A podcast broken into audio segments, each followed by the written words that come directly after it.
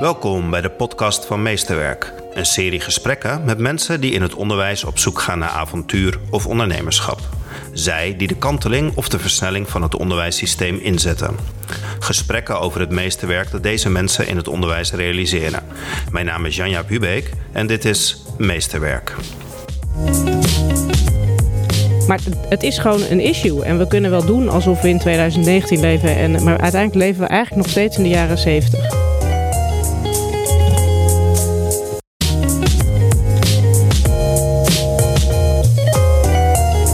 Welkom bij een nieuwe aflevering van Meesterwerk. Met vandaag aan tafel Tjeerd Dijkstra. Tjeerd, je bent leraar, je bent docent, je bent stage- en studiebegeleider en je bent filmer. Je maakt documentaires over bijzondere situaties in het onderwijs, waaronder onderwijsharten. Yes, Daar klopt. zitten wij vandaag niet voor.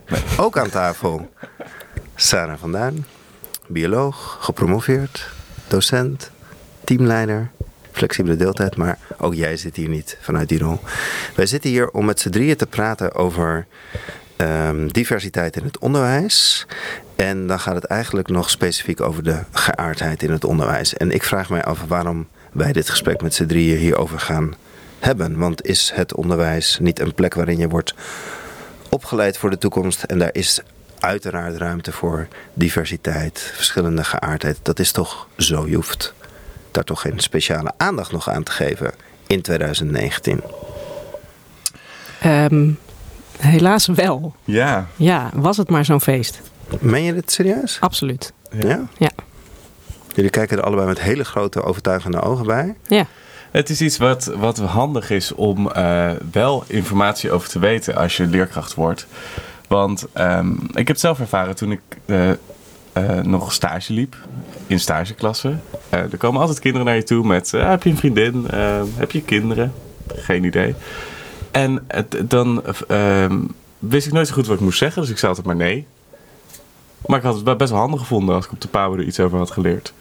Dus ehm, ja, er moet nog zeker aandacht aan gegeven Maar worden, is- is zodat niet- het makkelijk wordt. Kan je dan niet gewoon een antwoord geven? Want eigenlijk stel dat het kind vraagt. Die... ja, Goh, maar hoe ik zit geef het? Eerlijk antwoord. Ik heb geen vriendin. Nee, maar je kan natuurlijk ook zeggen van... eh, ik nee, ook ik heb geen geen vriend. Maar ik zou, wel, ik zou liever een vriendje willen dan een vriendin. Maar Ja. weet je hoe spannend het is om dat elke keer weer te zeggen? Ja, maar weet je hoe, Hoe- spannend het is om elke keer te moeten vertellen of je wel of niet getrouwd bent? Dat is toch hetzelfde, of Nee, niet? dat is echt wel heel anders. Want Wat? er is geen ouder die negatief reageert als jij wel of niet getrouwd bent.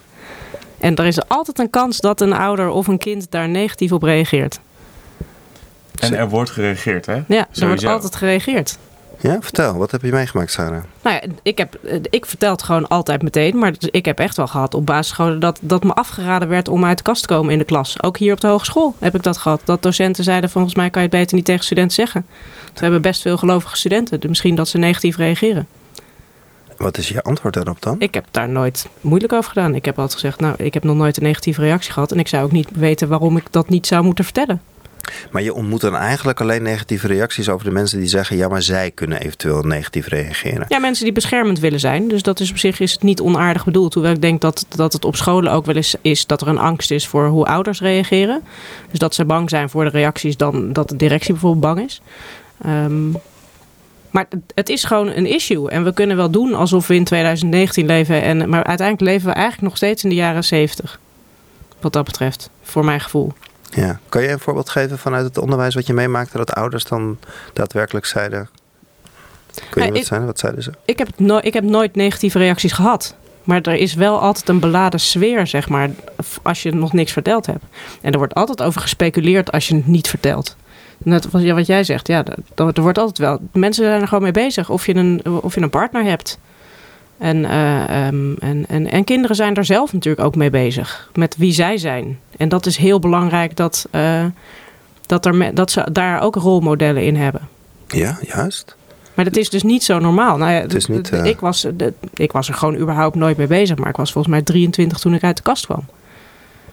Ja, ik vond het nooit zo nodig eigenlijk om uit de kast te moeten komen. En dat, eh, dat is wel grappig, want nu, wij hebben deze, we hebben vandaag heel toevallig een aantal gesprekken gevoerd met studenten over diversiteit en homoseksualiteit, onder andere in het onderwijs. En daar kwam ook vaak naar voren dat studenten zeggen: ja, maar het is toch helemaal niet meer nodig om dat bespreekbaar te maken. Maar op het moment dat ik het bespreekbaar maakte, toen werd het mijn leven eigenlijk zoveel makkelijker. En er vielen zoveel mensen gaan zo veel relaxter met je om of zo. Omdat er is, ehm, er is iets uit de lucht. Wat blijkbaar uit de lucht moest. Dus daarom heb ik er wel voor gekozen om zeker nu ook in mijn werk. Ik kom gewoon uit de kast als ik Ja. in de klas sta. Ja. Maar zit dan die spanning bij jou om dat te vertellen? Of zit die spanning aan de andere kant om het te ontvangen? Ehm, allebei, denk ik. Maar ik vind het dus nu ehm, heel erg leuk om uit de kast te komen. Zoals bijvoorbeeld vandaag. Nou, we zijn, dan, we zijn drie keer uit de kast gekomen. Ja. Het is echt super grappig Vertel. om dat te doen. Eh, nou, we hadden bedacht, we gaan allebei op een andere manier uit de kast komen. Want ik heb geen relatie en Sarah wel. Ehm, en ik zou dan zeggen, ik ben homo. En Sarah zou zeggen, Eh, ik heb al vijf jaar een partner. ja. Oh ja, oké. Dat is een super stereotyp natuurlijk. Maar ja, wie komt er nou uit de kast met ik ben homo? Dat doe je toch nooit? Het is best wel lastig om als je geen relatie hebt, om dan een aanknopingspunt te hebben om daar dan over te gaan hebben. Dus eh, vandaar dat we het op deze manier deden. En eh, hiermee hebben we eigenlijk gewoon een gesprek geopend. En dat ging eigenlijk, ja, eh, het, leuke is, dat er is voornamelijk gewoon heel veel nieuwsgierigheid, maar ook echt wel heel veel verbazing. Want we deden bijvoorbeeld ook een paar van die eh, facts over in hoeveel landen het dan illegaal is. In hoeveel landen je de doodstraf krijgt. In hoeveel landen je eigenlijk überhaupt mag trouwen. Dat je daar bewust van bent en dan ook ehm, het gesprek aangaan over hoe het, hoe het is als een kind in je klas eh, ehm, eh, niet weet wat zijn gender überhaupt is of waar die op valt en hoe doe je dat dan? En moet je als leerkracht altijd uit de kast komen? En toen kwam er ook een vraag van ja, maar je komt toch alleen maar uit de kast de allereerste keer op het moment dat je met je ouders praat? En nee, het is elke keer weer als je het erover hebt, is het toch uit de kast komen. Ook weer een hobbel. Het is Ja. toch, ik doe het altijd, en maar het is toch ergens spannend hoe iemand reageert. Ja. En hoe, hoe vertel jij het dan? Ik begin gewoon over mijn vriendin. Daar heb Ja. ik het er heel graag over. Dus nee, ik, ik dat vertel is veel gewoon. makkelijker, Dat hè? is veel makkelijker, ja. dat zou ik ook willen. Ja, Ja. Ja. En is Dat het, is heel het naïef om te denken dat jij dan gewoon bij spreken ook gewoon kan beginnen. Oh, ik zou, ik zou ook wel weer gewoon een leuke vent willen. Ik ga volgende week op vakantie. Het is ongemakkelijk. Is het ongemakkelijk? Ja? Ja. ja. Ja, dat vind ik wel ongemakkelijk. Ehm, nu met, eh, m- met studentenvoorstellen, zeg maar helemaal aan het begin van het jaar, toen heb ik het gedaan aan de hand van eh, WhatsApp-emoticons. En iedereen moest er eentje kiezen die dan bij hem of haar paste. En ik koos die van de regenboog. En ik dacht, dan heb ik gelijk direct een aanleiding van, nou, ik ben eh, vorige week nog op de Gay Pride geweest, want dat was toen daar in de buurt. En eh nou, was superleuk. En eh, ik val dus ook op mannen, weet je wel. Toen was direct het gesprek geopend. En toen waren er nog gelijk drie uit mijn klas. Oh, nou, ik ook. Ja. Dus wij hebben inmiddels een hele. Dus je bent een, voorbeeldrol. Ja, Ja. een beetje wel. En hoe is dat anders op een basisschool? Ik denk niet dat het anders is op een basisschool. Ik denk alleen dat het misschien wat langer duurt voordat ze je als rolmodel gaan zien. Omdat ze er zelf misschien nog niet mee bezig zijn. Nee. Wat ik, toen, wat ik ook vertelde is dat ik heb nu wel een aantal kinderen die ik eh, een aantal jaar geleden in mijn klas heb gehad. Die dan nu een bericht sturen van joh, eh, hoe wist jij dat je überhaupt op vrouw viel? En Ja. wat, wat doe je dan? En, eh, en, en, en dus het, het Daar is kan je een absoluut rol voor belangrijk. zijn. Ja. Ja. En ik heb dat nooit gehad. Tenminste, niet dat ik weet. Misschien dat ik er daardoor ook minder mee bezig was. Ja. niet. Zijn we heel stereotyp in het onderwijs? Jij zegt dat eh, kinderen in je klas misschien genderneutraal. Het eerste wat door mijn hoofd komt is die vreselijke plasketting. Dat is altijd een man of een vrouw. Het idee daarachter is volgens mij dat dan de juf weet... er is een jongetje of een meisje weg. Er zit ergens iemand vast op het toilet hè, als je er Ja. eentje mist in de klas. Dat is het, waarschijnlijk het idee erachter. Maar je duwt meteen jongens en meisjes meteen in een, in een, meteen in een keurslijf. Jij bent dit, jij bent dat. Ja. Zijn we heel stereotyp? Ja, Ja, Ja. dat denk ik wel. absoluut. Ook met, ehm, het niet bewust hoor, maar ook met hoe je vragen stelt. Over welk onderwerp je bepaalde, eh, de moeilijkheid van de vraag. Eh, je merkt met techniekonderwijs vaak dat moeilijkere vragen naar jongens gaan en makkelijkere vragen naar meisjes. Eh, absoluut. Ja, en hoe vaak wordt er niet gezegd eh, aan het, eh, vlak voor de pauze: oké, alle jongens die mogen nu vast naar buiten gaan. Alle meisjes, jullie mogen nu ook gaan. Ja. Ja. De jongens soort- tegen de meisjes. Met Ja, geen- jongens tegen de meisjes. Het is zo makkelijk ook Ja. om het in die groepen in te delen. Ja. En jullie zeggen, je, je begon, ik heb dat niet op de PABO geleerd. Nee. Nee. En nu doe je het zelf. Ja. Vertel, wat doe je? Hoe help je ze? Nou, onder andere dus door het gesprek aan te gaan. Eh, er is een eh, project, Vrijheid geef je door, zo heet dat. En dat gaat over vrijheid in de breedste zin van het woord. En eh, Sarah en ik hebben dan het gedeelte over seksuele diversiteit ontwikkeld. En ehm, ja, daarin gaan we dus voornamelijk het gesprek aan. Maar eigenlijk proberen we dus op een hele lichtvoetige, humoristische manier ehm, dit onderwerp ter sprake te brengen. En ook ervoor te zorgen dat studenten het niet zo eng meer vinden om erover te praten in hun Mm, klas. Stel dat er wordt gescholden met het woord homo. Hoe ga je ermee om? Eh, wat doe jij? Eh, wat is jouw rol als leerkracht? Wat, ja, wat kan jij daarvoor voor de kinderen betekenen? Ja, Ook als je hetero bent. kan. Dat Ja. is toch het grootste deel Ja. van het onderwijs. Ja. Ja. Hey, en, de, en de beeldvorming, hè? Ehm, ik ben, eh, ja, een klein geheimtje, maar ik kijk graag naar Voetbal International. Eh, dat vind ik een heerlijk, dat vind ik therapie. En dan wordt er af en toe wat eh, over, de, over de tafel geslingerd. Totaal eh, ongenuanceerd. Ehm, hoe, hoe, hoe heeft dat zijn doorwerking in, in de dagelijkse praktijk die jullie tegenkomen? Dat soort beeldvorming, hè? Dat was, eh, die riep gewoon, je moet gewoon uit de kast komen, wat is het probleem? Je moet niet zo janken. Dat was een beetje de boodschap van meneer Derksen destijds. Ja. En ergens voel ik ook wel mee van, ja, dit ben ik, punt. Weet je, wat is je probleem? Ja, maar nou ja, de, ehm, wat nu bijvoorbeeld heel erg eh, speelt, is onder andere die Nashville-verklaring, maar ook dat eh, ehm, voor vrouwen kunstmatige inseminatie voor lesbische stellen en alleenstaande vrouwen, dat dat niet meer vergoed wordt. Dus het is, het is niet, het is niet, iedereen is niet hetzelfde. Dus je kan niet zomaar even uit de kast komen. Je bent gewoon echt anders. Je wordt ook echt anders behandeld en anders beoordeeld, zeg maar. Dus het is niet even iets doen. En er zijn heel veel mensen die nog opgevoed worden met dat homo slecht is. En als je dan zelf homo bent, hoe kan je dan even uit de kast komen? Ja, het sluimert ondergronds. Ja. Ja. En dan moet je elke keer een stok in prikken om het aan te kunnen raken. Ja, ja, en ik denk dat als je er open over bent, het is absoluut beter om er open over te zijn voor jezelf en voor de omgeving. Eh, want mensen die, als, als ze een homo kennen, kijken ze er ineens heel anders tegenaan. Ehm, maar het, gek is wel nog steeds als je zegt van ja, ik val op vrouwen. Oh, ik ken ook iemand die op vrouwen valt. Oh, misschien is ook vrijgezel. Misschien moet je die eens. Dan denk ik, ja, jij valt er ook niet op elke man die je tegenkomt. Of elke vrouw die je tegenkomt. Ja, dat is toch een hele rare reactie. Ja. Of mannen die zeggen van ja, je bent gewoon nog nooit de juiste man tegengekomen. Nee, jij dus ook niet. ja.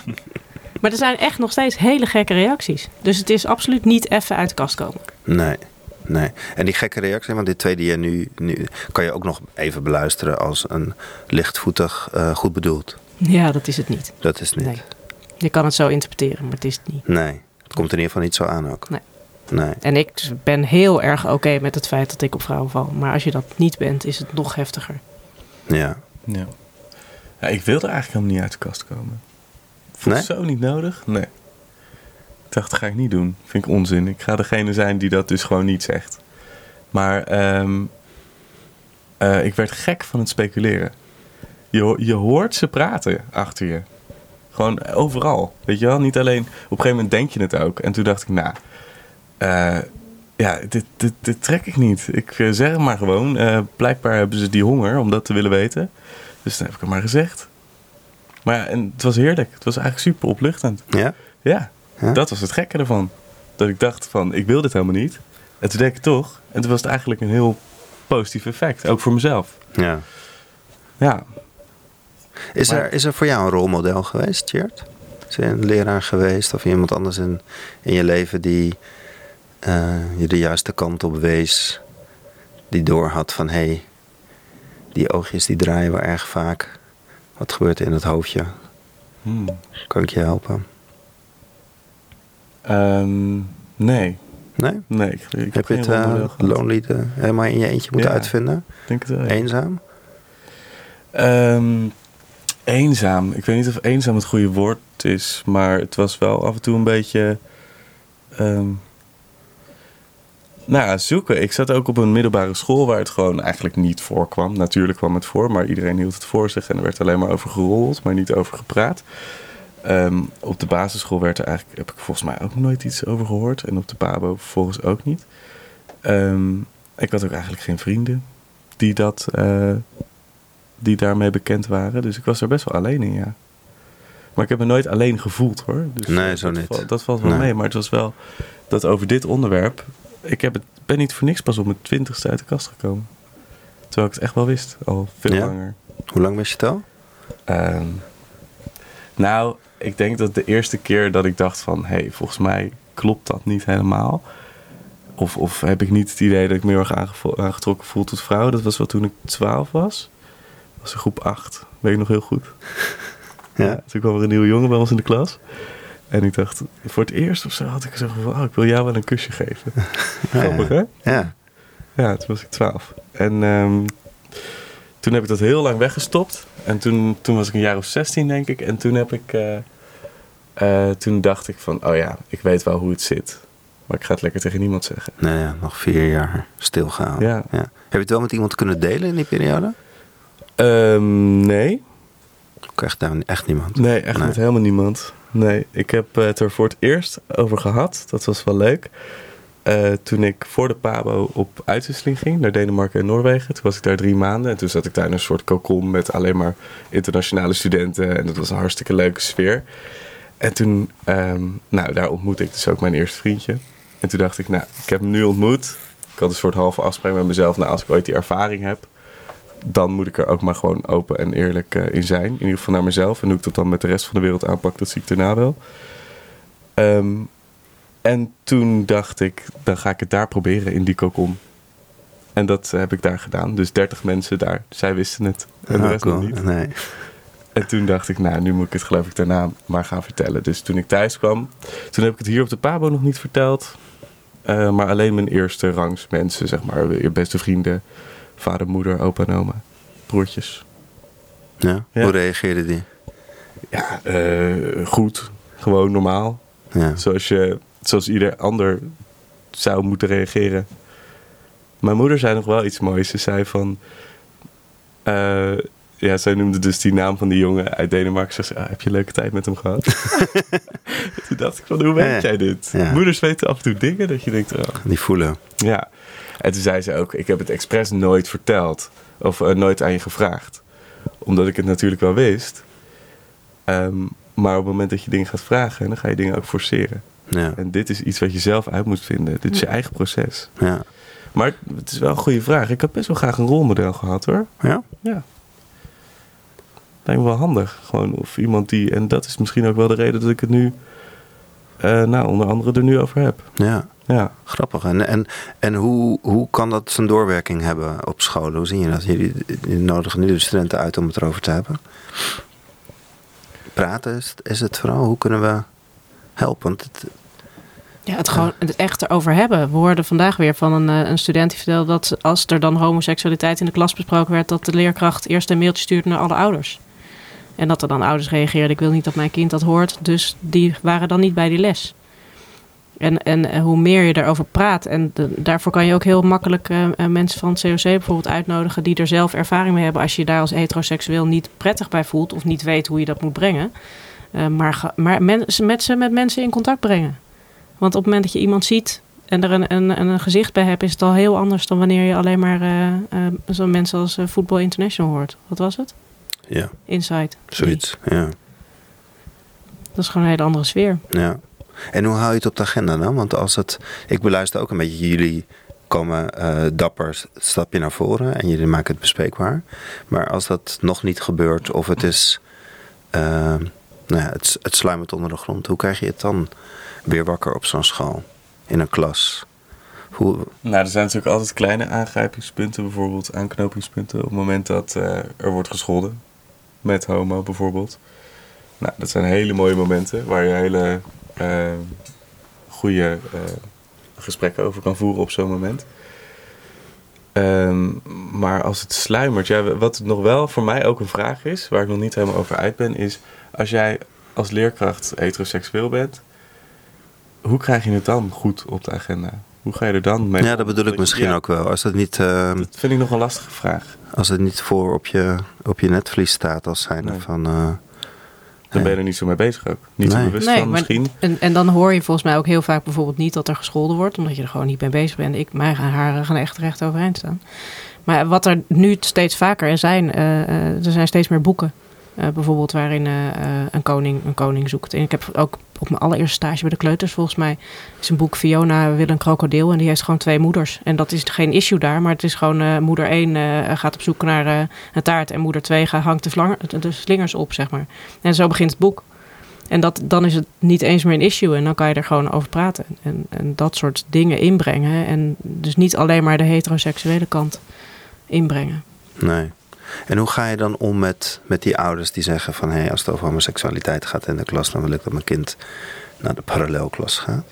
Ja, ik denk dat dat voor ons makkelijker is, omdat wij het gesprek met die ouders aan kunnen gaan van joh, um, uh, waarom heb je een probleem met ons? En ik denk ook eerlijk gezegd dat het weinig voorkomt dat het dan echt een issue is hoor. Dus omdat je dan inderdaad gewoon een gezicht erbij hebt. Uh, ik zou echt het gesprek aangaan. Ja. En daar echt wel uh, open over zijn en, en vragen waarom dat dan is. En ook ik vind, ja, het is gewoon onderdeel van het, van het onderwijs. Het is ook niet, nou ja, hadden we het net ook over. Het is niet dat je dan gaat zeggen: Oh, mijn kind krijgt vandaag rekenen. Nee, doe maar niet. Zo gaat hij wel achter de computer. Het is gewoon onderdeel van, van wat ze moeten leren. Ja.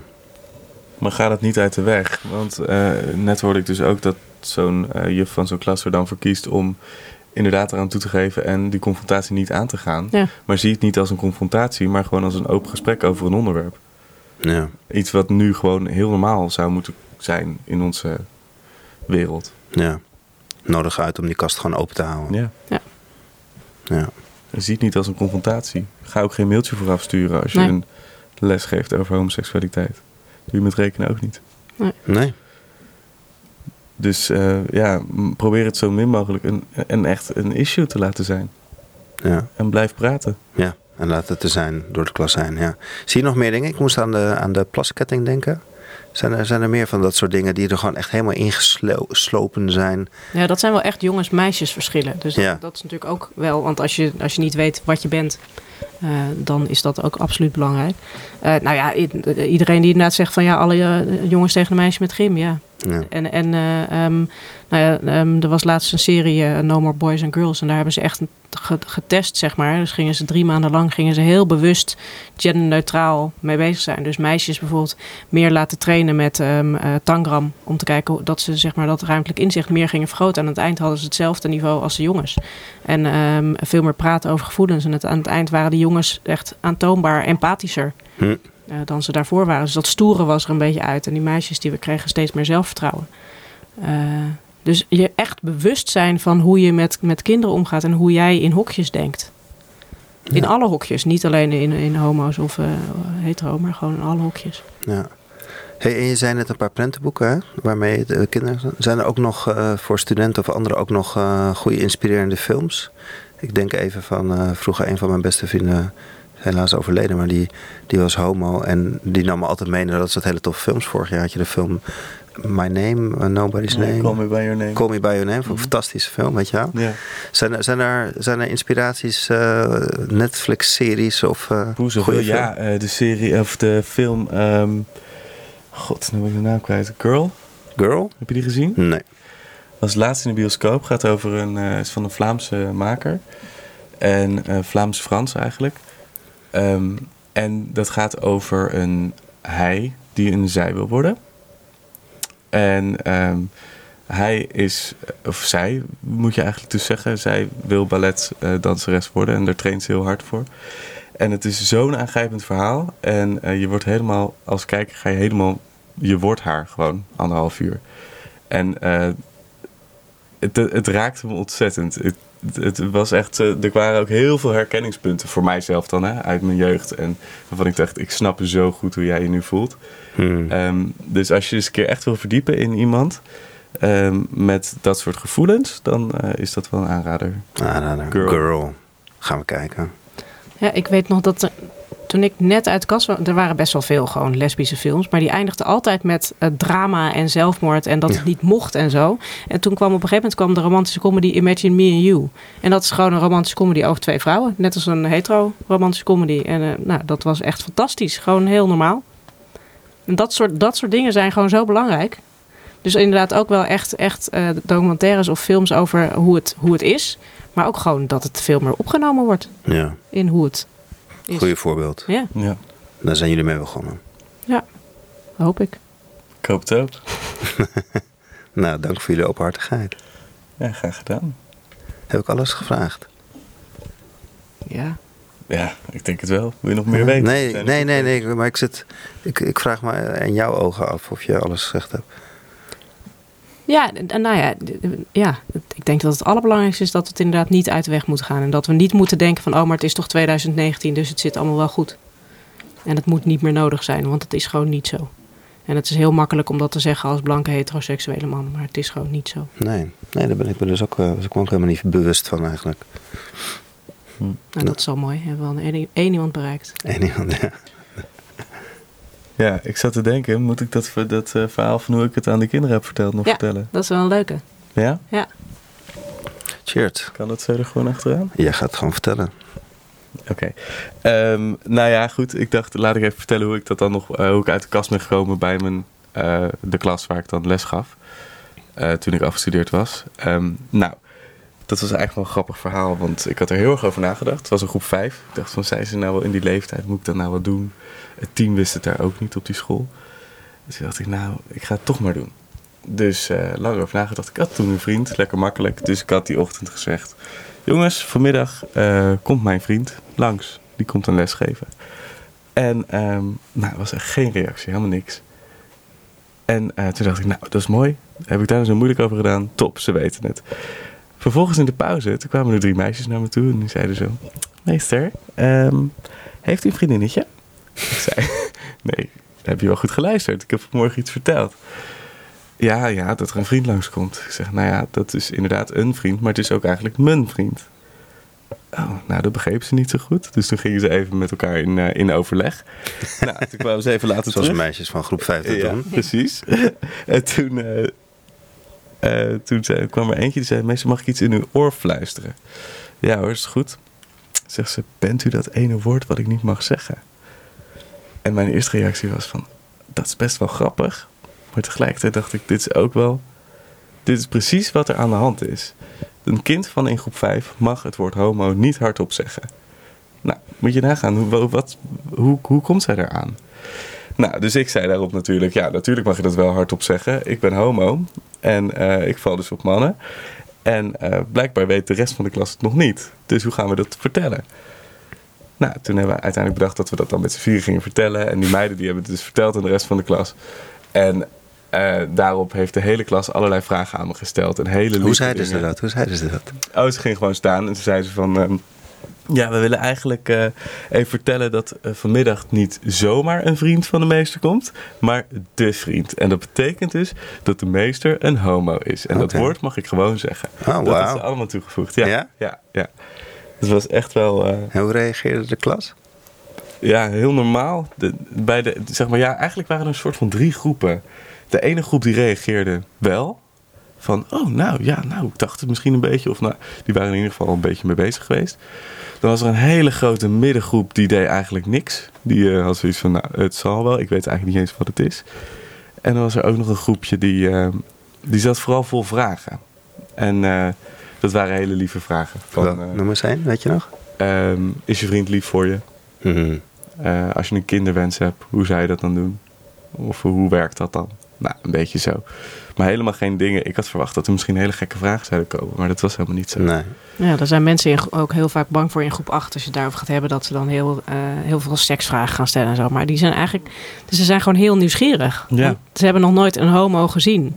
Dus ze willen ook gewoon weten, hoe weet je het dan? En, en, en hoe reageren je ouders erop? En, en alles. Gewoon een hele reële vraag Ja. eigenlijk. Ja. En, waar, ja, en ook gewoon antwoord op wil geven.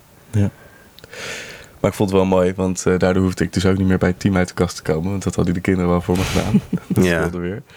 En de dag daarna kwamen ook eh, allerlei oma's naar me toe. Van, joh, eh, hey, hey, nou, gisteren over gehad hoor, aan de, de keukentafel. Hartstikke gezellig. Dus eh, was wel, het was heel leuk. Ik heb ook heel veel complimenten van ouders gehad. Van, je hebt het op een hele mooie manier bespreekbaar gemaakt. En dat vond ik wel tof. Toen dacht ik, nou, Dan geven ze echt iets mee ook. ja, Ja. iets wat ik eigenlijk dus best wel eng vond. En eh nou, is dan toch op die manier uitgepakt. Ja. ja. Daar heel blij mee.